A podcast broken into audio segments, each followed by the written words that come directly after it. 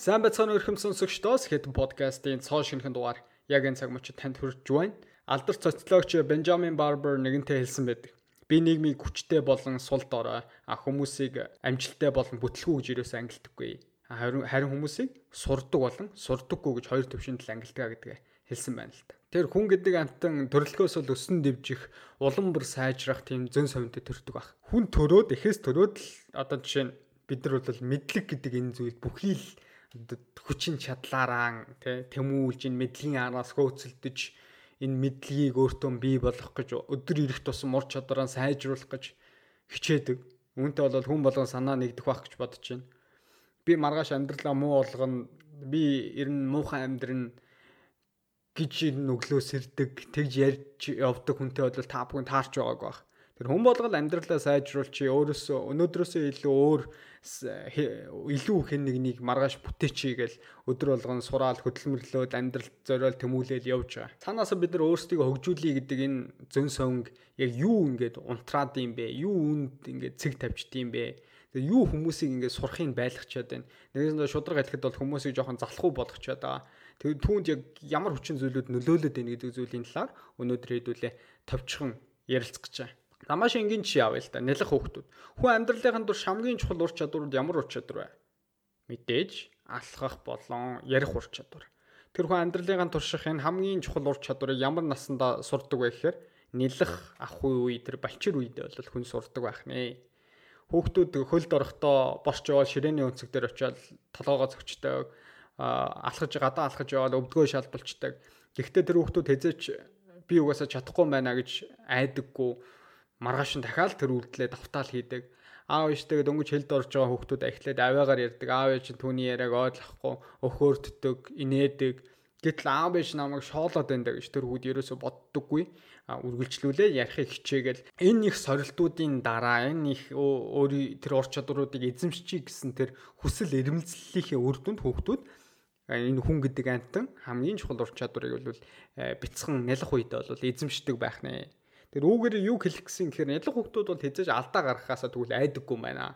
Тэр хүмүүс өвдөг шороо ширээний өнцөг цогсон ч маргааш дахиад үргэлжлүүлдэг. Хэн нэг намайг шоолчих шоолох болов гэж тэр хүмүүс ерөөсө боддоггүй юм байна. Тэр үүнд яг бидний өнөөдрийн ярих гэдэг сэдвийн хариулт нь гарч ирж байгаа. Тэгвэл нялх байх үеэс энэ том болох үед тэгвэл юу дунд нь ингээд бидний ийм цаанаасаа юм сурыг гэдэг зөн совинг цэг тавиад таслаад ингээд зогсоочт юм бэ гэдэг зүйлийн талаар одоо ярил л. Энэ бол хөвшмөл сэтгэлгээ гэж. Хөвшмөл сэтгэлгээг маш энгийн үгээр тайлбарлах юм бол энэ ерөөсөө л ийм байх хэрэгтэй гэдэг бодол. Жишээ нь хүмүүсийг IQ-гаар нь IQ-ныхын төвшнээр нь хүмүүсийг ухаантай болон ухаангүй гэж хүмүүс ангилах тохиолдол байдаг тийм. Тэгэхээр энэ ухаан гэдэг зүйл авьяас ур чадвар гэдэг зүйл бол яг эцэг эхээс генийн төвшингээр дамжаад хүн заяагцсан байж болно. Гэхдээ түүнийг хөгжүүлэхгүй, түүнд цаг зарцуулахгүй бол ямар ч үр дүн байхгүй. Босод хүмүүстэй яг л ижлэхэн болно гэдгийг бол хэлхэн зүйтэй. Тэгэхээр ухаан гэдэг бол эхээс төрдөг зүйл биш. Бид хэдийн ажиллах ёстой зүйл гэдэг хүн бол ойлгоосоо гэдэг санаа байна. Тэгэхээр хүүхдүүд маань дөнгөж одоо бага ангид ороод өөрийгөө үнэлж дүгнэх боломгцол зарим одоо хүүхдүүд бол сорилтоос айж эхэлдэг бага ангид 3 4 дугаар ангид ороод нөгөө хүүхдүүдийн донд ороод багш нь дүүн тавьж эхэлнэ хүүхдүүдийг өрсөлдүүлнэ. Тэгвэл хүүхдүүд өөрийгөө дүгнж штэ. Би ангийн батаагаас сурлагаасаа жоохон муу юм байна.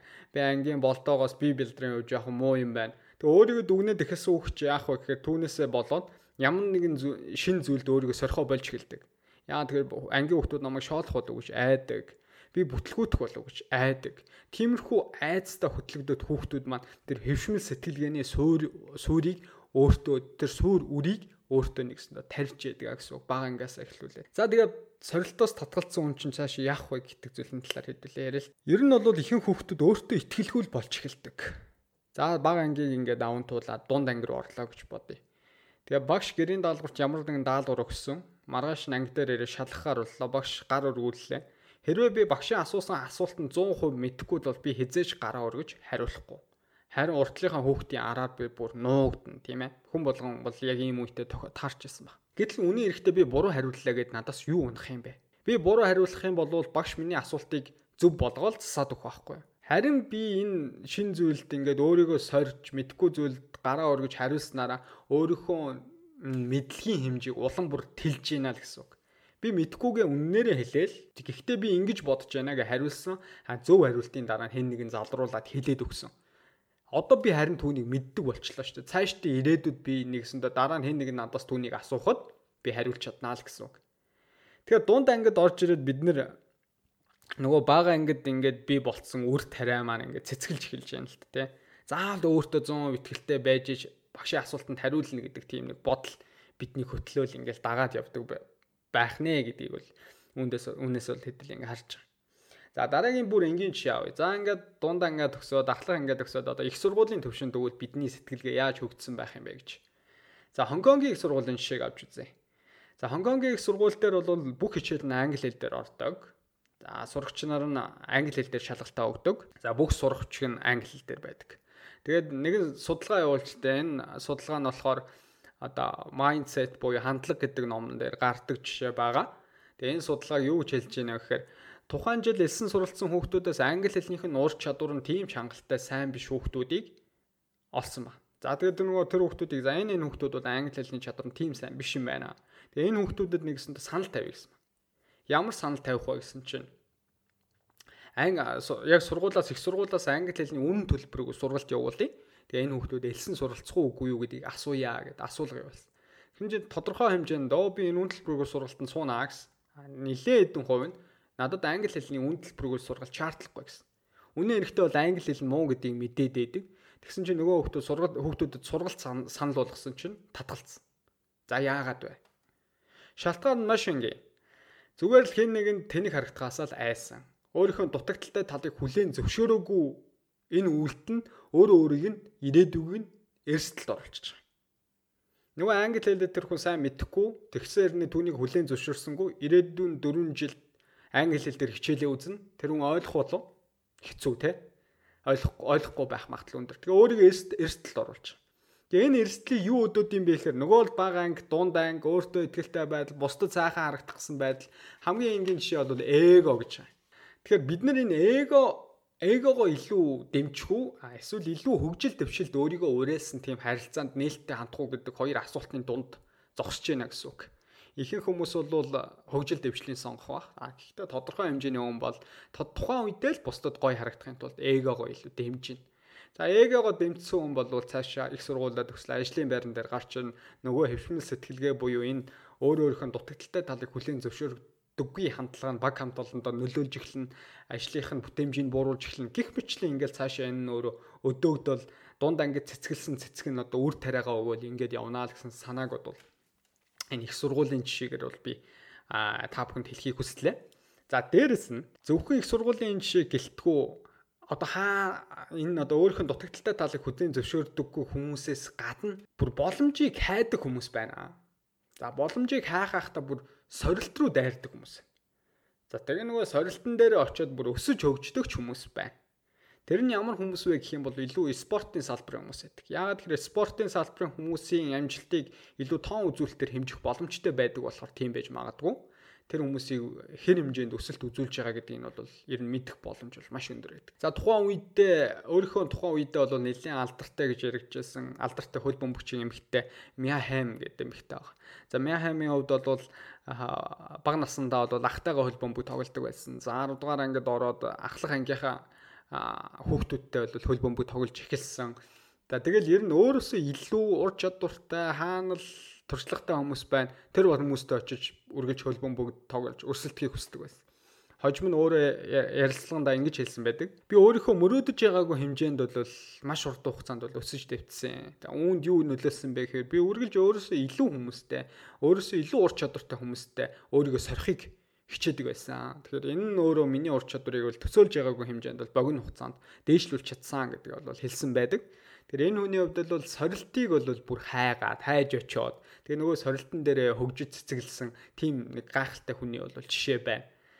Тэгэхээр өсөг сэтгэлгээтэй хүн буюу хөвшмөл сэтгэлгээтэй хүний эсрэг талын сэтгэлгээтэй хүн өсөг сэтгэлгээтэй хүмүүс байдаг. Тэгэхээр өсөг сэтгэлгээтэй хүмүүс бол хаан сорилт байна, тэ сорилт дээр бол өөрийгөө хөгжүүлэхийн төлөө үргэлж нээлттэй ханддаг. Нөгөө их сургуулийн жишээ шиг гараа өргөөл тэр англи хэлний сургалтанд бол суун өөрийгөө хөгжүүлье гэдэг тийм сэтгэлгээтэй хүмүүсийг бол өсөг сэтгэлгээтэй сэтгэлгээтэй хүмүүс гэж бол хэлдэг ба. За одоо сүүлийн үед хүмүүс нэг төрхөн хугацааны одоо бусдад сайхан харагдъя, гоё харагдъя гэдэг нэг бодлоосоо болоод, эгоноос болоод нэг жинхэнэ өөрийгөө хөгжүүлэхгүй, өө жинхэнэ өөрийгөө тэр сурч мэдий гэдэг тэр боломж руу нь бол хөтлөхгүй байна л да. Тэр боломж бас нэгсэн зүхтааж ийн гэсэн үг. Яа тэгэхээр нийгмийн нийгэмд өөрийнхөө нэг хиймэл дүрийг бий болгоцсон. Тэгээ тэр дүрээрээ олон танигдсан болохоор тэр дүрээрээ л таашаал аваад тэр бусдын алга ташилтанд баясаал тэгэл яваад байгаа. Гэхдээ тэр нь бол мэдээж түрүүчийн хэлсэн шиг өөрийнхөө ирээдүг бол эрсдэлд оруулж байгаа том үйлдэл тэр өөрөө өөртөө хүн үнэнч байж гэмээр ирээдүйд тэр хүсэж байгаа ололт амжилт гэдэг зүйл рүү бол дөхөж очих юм болов уу гэж миний хувьд бол бодож байна. За тэгээ маш олон хүмүүс ингэж боддог. Амжилттай хүмүүс гэхээр л цаанаасаа төрчихсөн хүмүүс, гоц гойд хүмүүс гэл. Тэгээ ер нь бол амжилттай хүмүүс бол мэдээж өөрийнхөө түүхийг амжилтанд хүрсэн хойноо гой сайхан түүхийг л ярина шүү дээ. Гэтэл тэр түүхийг бий болохын тулд ма хэдэн удаа бүтлгүүж бүтлгүүтэж хэдэн удаа нойргүй хонж хэдэн удаа болмоор санагдсан Тэрийг бол хинч мэдхгүй. Тэгэхээр амжилттай хүмүүсийн нэг гой гой түүхүүд байна л та. Тэгээ тэр хүмүүсийн ингээ нийтлэг хилдэг зүйлийг ингээд аваад үсэх юм бол болвол би бол бусад хүмүүсээс хүмүүсээс ерөөсөө ялгагдахгүй. Ялгагдах юм байхгүй. Намайг гоц гэж хүмүүс бодож магадгүй. Бусдаас өөр төрсөн гэж бодож магадгүй. Үгүй. Бусадтай ижилхэн. Харин өөрийнхөө ур чадварыг болон авиас чадварыг хөгжүүлэхэд л маш их цагийг л зарсан. Магадгүй миний хажуу талын хүн мянган цаг зарцуулж хаад би түүнийг хөгжүүлэхийн тулд 100000 цаг зарцуулсан баха.